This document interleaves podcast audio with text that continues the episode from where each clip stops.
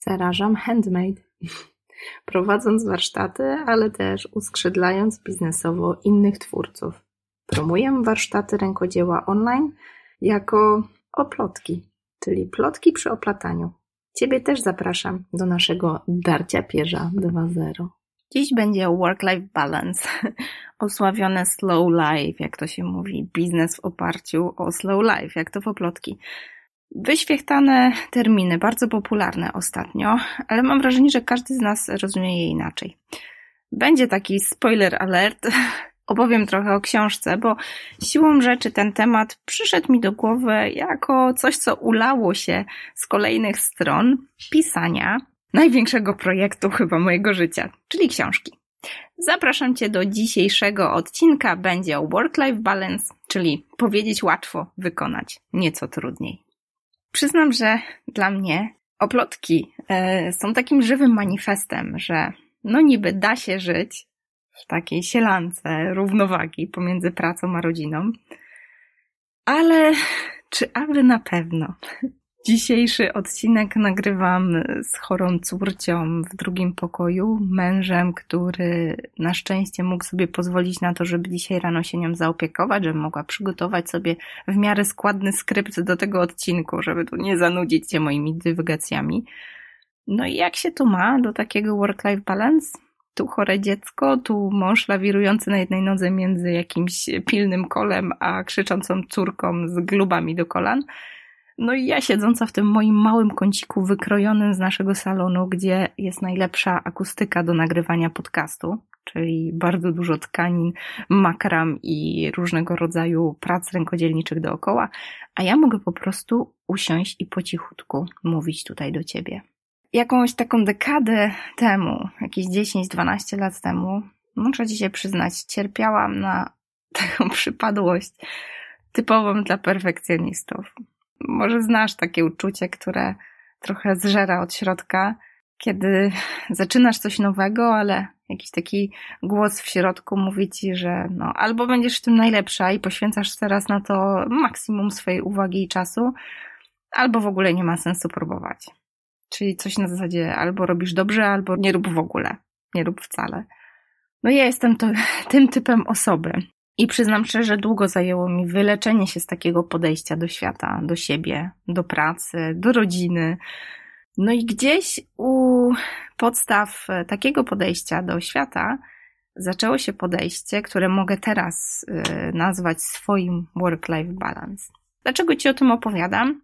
Bo mi bardzo dużo czasu zajęło dojście do tych wniosków i mam wrażenie, że w momencie, kiedy to kliknęło, bardzo wiele rzeczy jakoś zaczęło tak się udawać. Wiem, że nie mówi się udaje się. To my bierzemy odpowiedzialność za to, co się dzieje, ale mam wrażenie, że to właśnie w momencie, kiedy zrozumiałam, że taka równowaga i czasami takie odpuszczanie jest największym darem, który możemy sobie dać, to właśnie wtedy paradoksalnie wszystko przyspieszyło, wszystko zaczęło się tak właśnie udawać. Długo zajęło mi zrozumienie, że czasami chodzi tak naprawdę tylko o proces, a nie o ten końcowy rezultat. I właśnie oplotki były moim takim pierwszym przedsięwzięciem, uwierzysz czy nie, pierwszym życiu takim, w którym pozwoliłam sobie po prostu działać. Bez jakiegoś super jasno określonego celu. Oczywiście pewno znasz historię e, oplotek, jeżeli nie, to odsyłam Cię do jednego z pierwszych odcinków. Ja tam dosyć dużo opowiadałam, jak to się wszystko zaczęło. Ale co jest ważne, oczywiście miałam jakieś marzenia, jakąś mglistą wizję, w jakim kierunku podążam, no ale czy była ona super idealna i wypolerowana i taka mega precyzyjna i przede wszystkim zaplanowana od A do Z? No nie, nie miało to w sobie nic z super wykalkulowanej strategii. Jedyne czego byłam pewna, no to fakt, że tym razem chcę w życiu jakiejś takiej równowagi, że nieważne było, czy ten biznes w oparciu o rękodzieło będzie robił tak zwane kokosy, czy po prostu pomoże jakoś ogarnąć wspólny domowy budżet, czy spłacać kredyt mieszkaniowy, o ile będzie zapewniał jakieś poczucie, że robię coś, co, nie wiem, zmienia jakiś kawałeczek tego naszego świata na bardziej przyjazny, czy taki szeroko rozumiany lepszy, nawet dla naszych dzieciaków, o, o tyle, no wierzyłam, że ten biznes jest wart zachodu. Zresztą myślałam, że zwariuję na macierzyńskim, więc miało to w sobie coś z serii upustu e, dla jakichś takich niespełnionych ambicji, czy tego poczucia, że jakaś część kreatywnej przedsiębiorczyni we mnie umiera, kiedy tylko siedzę w domu i gotuję te obiady. O ile da się ten biznes robić tak, żeby wspomagał nasze życie rodzinne, a nie odbywał się jego kosztem, jak dla mnie trzeba było spróbować. Więc jak byk, work-life balance. Mhm. Z boku pewno nie miało to nic z równowagi. Zarwane przed komputerem wieczory, czasami nawet całe noce, drzemki dzieciaków spędzane na skrupulatnym nadrabianiu zaległości albo jakimś takim studiowaniu e, arkanów biznesu online. Ja wtedy już też dołączyłam do mojej obecnej mentorki biznesowej, jestem z nią już kilka lat, ale no to była taka wysoka krzywa e, przyrostu wiedzy i przyznam, że były to wyrywane w przelocie chwile zabawy z maluchami albo jakieś tam randki z mężem, kiedy babcia czasami wpadała do nas na weekendy. No ale tempo było po prostu zabójcze. Ale teraz, teraz kiedy patrzę na to z perspektywy, dostrzegam tam właśnie takie intuicyjne dążenie właśnie, o ironio, do równowagi. No bo kto powiedział, że musi być pięć dni w pracy, a weekend dla rodziny? Tak? I kto powiedział, że pracujemy, kiedy dzieci są w przedszkolu, albo szkole, albo żłobku, a odpoczywamy, kiedy są w domu z nami? No i kto powiedział, że praca musi być, nie wiem, historią z serii krew, pot i łzy, a nie po prostu frajdą, która staje się też odpoczynkiem od dzieciaków, czy od, nie wiem, jakichś tam konfliktów z mężem, czy zabieganego świata na zewnątrz. Kto powiedział, że praca nie może być dla nas po prostu frajdą? No ja zdecydowanie jestem winna takiego ślepego powielania schematu. Potrzebowałam dosłownie dojść do ściany, żeby zrozumieć, że to work-life balance to termin mocno indywidualny. Niosąc na sztandarze oplotki takie slow life, no sama wyrabiałam co najmniej dwa etaty. o ironio. Ale teraz widzę, że było mi to bardzo potrzebne. I nic w tym zaprzeczenia takiej owej wycacanej definicji równowagi. Ja teraz widzę, że po prostu po okresie macierzyństwa, takiego lukru, w którym zanurzyłam się po same uszy i byłam, no, taka nieaktywna zawodowo, to moje ambicje, moja potrzeba spełniania się zawodowego, takiej przedsiębiorczyni z krwi i kości, potrzebowała po prostu turbotempa. To wszystko gdzieś kumulowało się we mnie w środku i eksplodowało właśnie tymi zarwanymi nockami, bo miałam poczucie, że nadrabiam ten stracony czas. To było moje pokrętne dążenie do równowagi. Dlaczego dałam sobie wmówić w ogóle, że, że rola mamy to jest jedyna słuszna, kiedy pojawia się potomstwo na pokładzie? Że nie można właśnie mieć tej równowagi i być trochę przedsiębiorczynią, trochę mamą, trochę żoną, trochę kobietą, która chce mieć chwilę na ploty, trochę też córką, siostrą. Dlaczego tak bardzo mocno zatopiłam się w tej roli mamy? Sama nie wiem, ale wierzę, że jeżeli jesteś mamą, to bardzo możliwe, że bliskie są tobie te etapy e, dążenia do równowagi. Od etapu zaczytywania się w poradnikach przeszłam frustrację, taki etap frustracji, to było rodem z piekła, tak, do takiego poczucia, że warto słuchać wewnętrznego głosu. No i o ironię, słuchać też uczestniczek warsztatów rękodzielniczych, od których oplotki się zaczęły. Każda taka rozmowa utwierdzała mnie, że nie trzeba być czempionem we wszystkim. Albo, albo wypucowany dom, no albo napiszę tekst na blog. E, albo trzecie dzisiaj pranie, albo nagram podcast. Albo zrobię dwudaniowy obiad i mąż się tam straszliwie ucieszy, no albo oddzwonię wszystkie telefony, których nie mogłam odebrać, bo siedziałam z dzieciakami na dywanie i bawiłam się klockami. Ja mam wrażenie, że kolejny wieczór i krzyczenie na męża, że już po prostu muszę wyjść do ludzi, to był fajny wybieg, żeby nazwać to wyjście, którego bardzo potrzebowałam, pracą. w ten sposób nawet może jakoś tak bardziej przychylnym okiem patrzył na te moje, no, jakby nie patrzeć, takie potrzeby. Jakoś łatwiej wypuścić z domu żonę, kiedy idzie do pracy, niż po prostu wychodzi sobie na kawkę, prawda? Wiem, teraz się z tego śmieję, ale no też y, jakąś ewolucję przeszedł nasz związek i my też jakoś musieliśmy się docierać w tym macierzyństwie. No, trójka dzieci na pokładzie to jest niezłe wyzwanie. Ale to było bardzo uwalniające, żeby powiedzieć sobie, że tak po prostu można definiować sobie tą równowagę dla siebie, dla nas, w kontekście dzieci, w kontekście znajomych, rodziny. Można po prostu nie mieć najczystszego domu w okolicy przy dzieciakach na pokładzie. Można napisać tekst z bykami, tak, i zdaniami wielo, wielo, wielokrotnie złożonymi, bez myślenia o SEO na swoim własnym blogu. Teraz już jestem cwana, bo dziewczyny pomagają mi, wyłapują takie rzeczy. Ale wtedy musiałam dać sobie dużo przyzwolenia na właśnie takie popełnianie błędów, które internetowe hejterki i hejterzy no, skrupulatnie wychwytywali. No i można też po prostu uściskać sobie męża w brudnej od glubek kiecce, kiedy zakatarzona córcia wyciera się i to wszystko widać, zamiast po prostu gnać na Bóg wie jaką wypasioną kolację w obcasach. I ja myślę, że można wreszcie było dać sobie takie prawo do spa psychicznego w postaci po prostu pracy, która mnie bardzo, bardzo kręci. No dobra, ale co tak, to, to, to jest ta moja definicja work-life balance. Ona bardzo ewoluowała. No i dlaczego ci o tym mówię? No nie dlatego, że ta e, rozkmina zabrała mi, nie wiem, kilka rozdziałów książki, którą tam klikam sobie codziennie o poranku. No i tutaj się tak troszeczkę ulało, ale chciałam się z Tobą podzielić tą myślą, bo myślę, że dojście do tego uwalniającego punktu w życiu kosztowało mnie stanowczo za dużo. Pozbawienia się takiej przyjemności z tego, co dzieje się na co dzień. Może Ciebie też kosztuje. A szkoda by było, więc ucz się na moich błędach, a nie niekoniecznie długim procesem dochodzić do tego samego wniosku. Wiem, to trochę łatwiej coś przeżyć i wyciągnąć taki wniosek niż słuchać tutaj moich wynurzeń, ale podrzucę Ci kilka takich przykładów, które no, mnie dużo pracy kosztowały, żeby dać sobie na to pozwolenie. Tobie może przyjdzie to łatwiej tylko dlatego, że usłyszysz, że tak można. Ja pamiętam, że bardzo tego potrzebowałam w pewnych momentach. Teraz można zejść na ziemię, tak? Więc mogę przytoczyć kilka po prostu przykładów, tak? Żeby to nie był jakiś poradnik e, dla tłumów. Pamiętam, że kiedy przestałam się oglądać na innych, po prostu już byłam taka zmęczona tym wyścigiem do, do wiecznej idealności, bycia czempionem. Jak na ironię, te wszystkie sprawy zaczęły przyspieszać.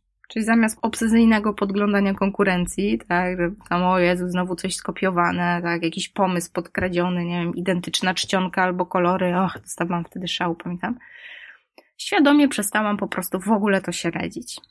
I wiem, oczywiście gdzieś tam, no, nie żyjemy w próżni, więc warto zaglądać, co tam się dzieje, ale staram się to teraz na przykład robić z pomocą dziewczyn z zespołu, tak, one gdzieś tam zaglądają, jak rzeczywiście już coś straszliwie podobnego się dzieje, no to my po prostu decydujemy, czy, czy zostajemy z naszą strategią, czy po prostu chcemy się odciąć, zmieniamy ją. Zazwyczaj zostajemy przy naszej, mamy tylko świadomość, że ktoś tam coś kompiuje, ale teraz już traktujemy to bardziej jako komplement niż e, jako realne zagrożenie. Ale pamiętam, że dużo kosztowało mnie dojście do takiego etapu. A co działo się dalej? Ja po prostu odobserwowałam. Wszystko, co się dało, po prostu wywaliłam to, wszystkie miejsca w sieci, gdzie tam byłam i mi to e, gdzieś tam pokazywało się w feedzie, czy, czy gdzieś tam w social mediach. Po prostu odobserwowałam, usunęłam siebie z grup. E, nie chciałam tego po prostu oglądać. Świadomie wybrałam mm, zanurzenie się po prostu jakby w swoich sprawach i przyznam, że jeżeli ty też tak masz, masz, nie wiem, konkurencję, która tam depcze ci po piętach, albo bardzo ci to tak denerwuje, frustruje, podcina ci skrzydła, naprawdę po prostu przestań to obserwować. Daje to takie poczucie spokoju ducha, że ta przestrzeń, po prostu ta kreatywna przestrzeń, taka wolna od tego obciążenia, jest y, no, darem samym w sobie. I paradoksalnie to właśnie wtedy przychodzą nam najlepsze pomysły do głowy, mm, to jak służymy naszym klientom. Nie oglądamy się wtedy na to, jak robią to inni, tylko właśnie skupiamy się na tych naszych klientach, skupiamy się na sobie, na naszych produktach, na naszej działalności i wtedy paradoksalnie powstają najpiękniejsze rzeczy, najlepsze produkty, najbardziej dopracowane i skoncentrowane właśnie na kliencie. Kolejnym takim przykładem było czytanie hejtu pod postami. Pamiętam, że po prostu y, postawiłam sobie w pewnym momencie jako cel zrobić budżet na jakiekolwiek wsparcie w tym obszarze social mediów. I nie uwierzysz, jak bardzo szybko ta nasza niezastąpiona Ania, która teraz ogarnia praktycznie całego Facebooka, pokazała, jak ona z anielskim spokojem potrafi podejść do czegoś, co mi kazało czasami nie spać trzy noce. Przejmowałam się, bo ktoś tam coś tam napisał i, i dopiero po jakimś czasie zrozumiałam, że to jest bardziej o tej osobie niż o mnie, czy o mojej działalności. No ale bolało i nie potrafiłam się tego dystansować. I nawet kiedy, nie wiem, Ania teraz mi streszcza, na przykład jak coś się dzieje takiego e, przykrego dla nas, czy atakującego, przytacza nam jakieś takie wyjątkowo kąśliwe złośliwości na spotkaniach zespołu, to one już jakoś nie bolą tak mocno, kiedy omawiamy je wspólnie. Więc zauważ, że znowu to dążenie do równowagi, do tego, żeby ktoś z zewnątrz nie wytrącał cię z takiego punktu, gdzie robisz coś fajnego, chce ci się, tak? Wystawiasz się na to, na tą właśnie krytykę świata, na to, no to krytykowanie jest takie łatwe, ten hejt przychodzi innym tak łatwo, Natomiast tobie przychodzi bardzo trudno e, wyjść ze swoją twórczością. Jako rękodzielnicy bardzo często traktujemy tą naszą twórczość bardzo osobiście. I to jest takie bolesne odsłonięcie się i, i gdzieś tam wybija nas to z tej równowagi, kiedy ktoś krytykuje. Oczywiście nie zachęcam cię, żeby robić dokładnie to samo co ja, ale jakby podjąć tą decyzję, że może to być nie o tobie, ale o tej osobie, która krytykuje. Kiedy ja sobie to uświadomiłam, zrobiło się troszeczkę lżej. Przynajmniej trochę. Ale co jest najlepsze, taki luz dawał mi paliwo rakietowe do, dla pogoni za moimi własnymi marzeniami. Możesz się śmiać, ale tak małe rzeczy jak, nie wiem, wspólne śniadania, tak, że, że po prostu mamy ten komfort, że wybraliśmy jednak przedszkole i szkołę pod domem, zamiast wozić dzieci do jakiejś wypasionej, elitarnej placówki na drugim końcu miasta, gdzie tam bitwa o miejsce trwała w najlepsze. No i wiedzieliśmy, że mamy szansę, ale podjęliśmy decyzję, żeby po prostu mieć więcej czasu o poranku takie rzeczy jak, jak świadomy wybór, żeby pracować z domu, tak, no, no dobra, tam mamy swoje biuro, tak, ale większość czasu właściwie to mąż tam spędza, ja tam właściwie prowadzę jakieś warsztaty e, rękodzieła online, kiedy już to jest taka pora, kiedy wszyscy są w domu, dzieci i nie chcemy po prostu kisić ich w jednym pokoju w ciszy i ja po prostu wtedy jadę do biura i tam prowadzę warsztat. Ale faktycznie pracuję z domu, siedzę tutaj teraz, nagrywam podcast z kawałeczka mojego salonu, i to właśnie nawet przy dziecku chorym w domu, gdzie tam mąż chwileczkę ją przypilnuje. No i wreszcie też takie definiowanie, kiedy się pracuje. Tak, ja zaczęłam to definiować przez pryzmat mojego tempa. I wiem, że w oplotki mówimy dużo o tym slow life, o tym rękodziele, które pozwala nam wylogować się z codzienności. I ja tak troszeczkę czułam, nie wiem, miałam takie poczucie, że jestem hipokrytką, bo dla mnie ten slow business to, to był po prostu biznes wcale nie slow. Ja biczowałam się, że ja potrafię siedzieć ponad 8 y, godzin ustawowe i to grubo ponad 8 godzin przed komputerem, bo jakiś szalony pomysł trzeba było rozpisać tu i teraz, zanim wena ucieknie. I bardzo miałam takie wyrzuty sumienia, że o, tutaj uczę, jak wylogować się z codzienności, jak sobie przy rękodziele po prostu umilać czas i tak trochę zwolnić, a ja tutaj, jako szefowa tego całego zamieszania, pędzę jak szalona.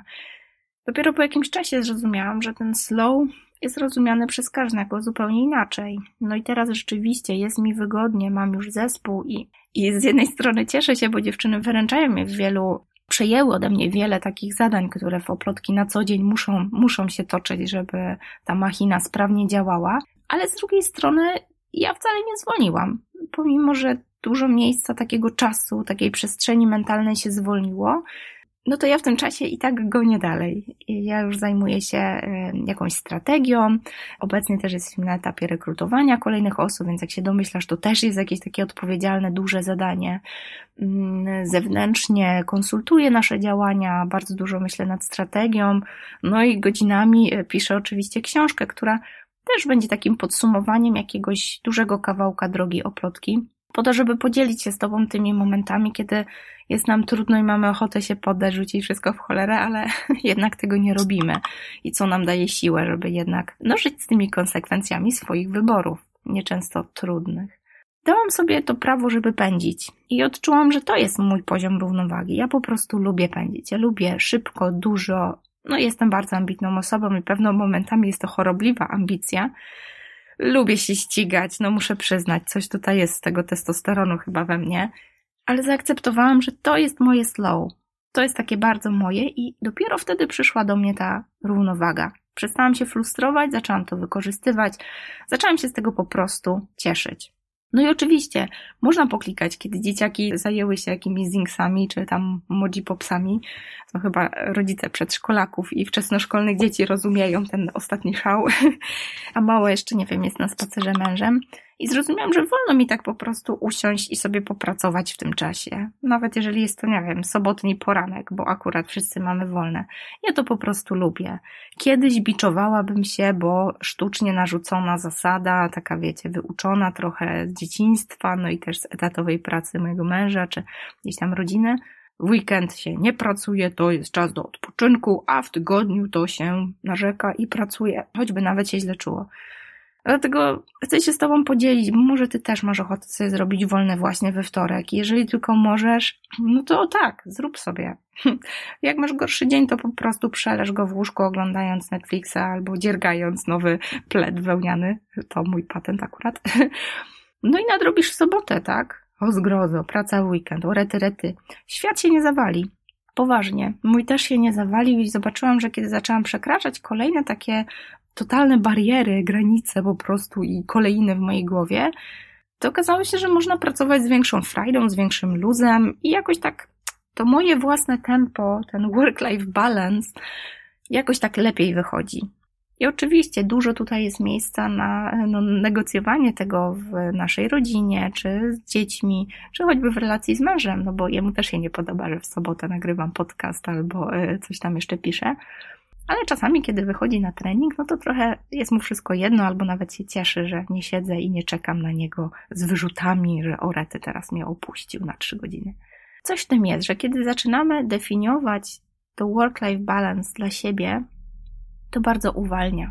A co najważniejsze, paradoksalnie daje tempo nie z tej ziemi. Kiedy ruszałam z projektem książki, wydawał mi się takim nieogarnialnym jaźnią, ogromem z serii, no albo firma, albo piszemy książkę. No nie da się to i to. Albo przynajmniej wybór pod tytułem czas z rodziną, albo pisanie, tak? Że będzie się to zawsze odbywało kosztem czegoś. No i oczywiście, no nie będę czarować. Pracy jak zwykle jest masa, e, no i nie chcę nigdy zawieść ustalonego terminu książki, więc jest tutaj często takie świadome wybieranie, czy robię jedno albo drugie. No i dzisiaj też klikałam, podczas gdy córka jest w domu i oczywiście ja mogłabym się nią zająć, ale jednak to mąż musiał zostać kilka godzin dłużej w domu, żebym ja sobie mogła poklikać tą książkę. Ale okazuje się, że kiedy dałam sobie do tego prawo, jakoś tak nagle wszystko się udaje. Ja myślę, że nie tylko to work, jest, jest tego dużo w naszym życiu. W Twoim pewno też, bo jednak ta praca zajmuje nam większość dnia, jaka by nie była. No może niewielu szczęściarzy jest już na tym etapie, gdzie może sobie pozwolić na pracę dla takiej totalnej przyjemności.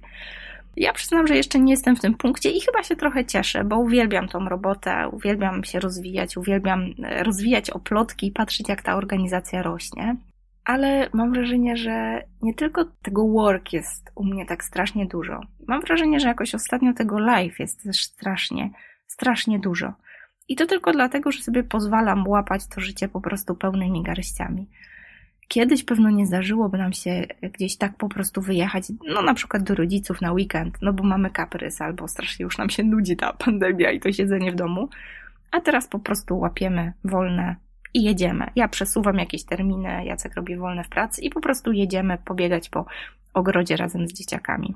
Nasi rodzice mają fajne miejscówki, takie pełne zieleni, więc uwielbiamy tam uciekać z miasta.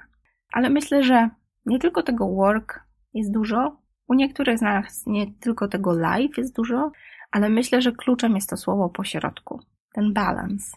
I ono przychodzi wtedy, kiedy zaczynasz siebie pytać o to, czego właśnie w tej chwili, właśnie w tym momencie, nie za tydzień, za rok, za trzy, tylko tu i teraz bardzo potrzebujesz. I takie najzwyklejsze w świecie dawanie sobie tego, choćby w małej porcyjce, ale dawanie sobie tej przyjemności, pracy, kiedy masz na to ochotę, odpoczywania, kiedy tego potrzebujesz i po prostu życia i cieszenia się tym życiem, kiedy naprawdę masz na to apetyt, to jest właśnie ten balans, ten work-life balance. Bardzo jestem ciekawa, jak ty lawirujesz na tej linie życia i pracy. Jeżeli chcesz podzielić się ze mną swoją refleksją, to bardzo, bardzo serdecznie cię zapraszam. I to nie tylko dlatego, że właśnie siedzę na tym rozdziale książki i klikam go i klikam jak szalona i, i wycinam i dopisuję i znowu wycinam i redaguję. Ale jestem po prostu po ludzku ciekawa, jak ty radzisz sobie z tą właśnie równowagą, zwłaszcza teraz, w pandemii, w zamknięciu, w momencie, kiedy wiele z dawnych przyjemności no mam wrażenie, odeszło bezpowrotnie i ta nasza nowa normalność już nigdy nie będzie taka jak kiedyś. Koniecznie podziel się ze mną na agnieszka małpa oplotki.pl, a my usłyszymy się już w kolejnym odcinku podcastu. A, no tak, chwila, chwila. Zanim skończysz słuchać, mam do ciebie ogromną prośbę. Wiem, że Twój komentarz, Twoja opinia i Twoje dobre słowo, podanie tego podcastu dalej dla osoby, której może się przydać, jest przecenne.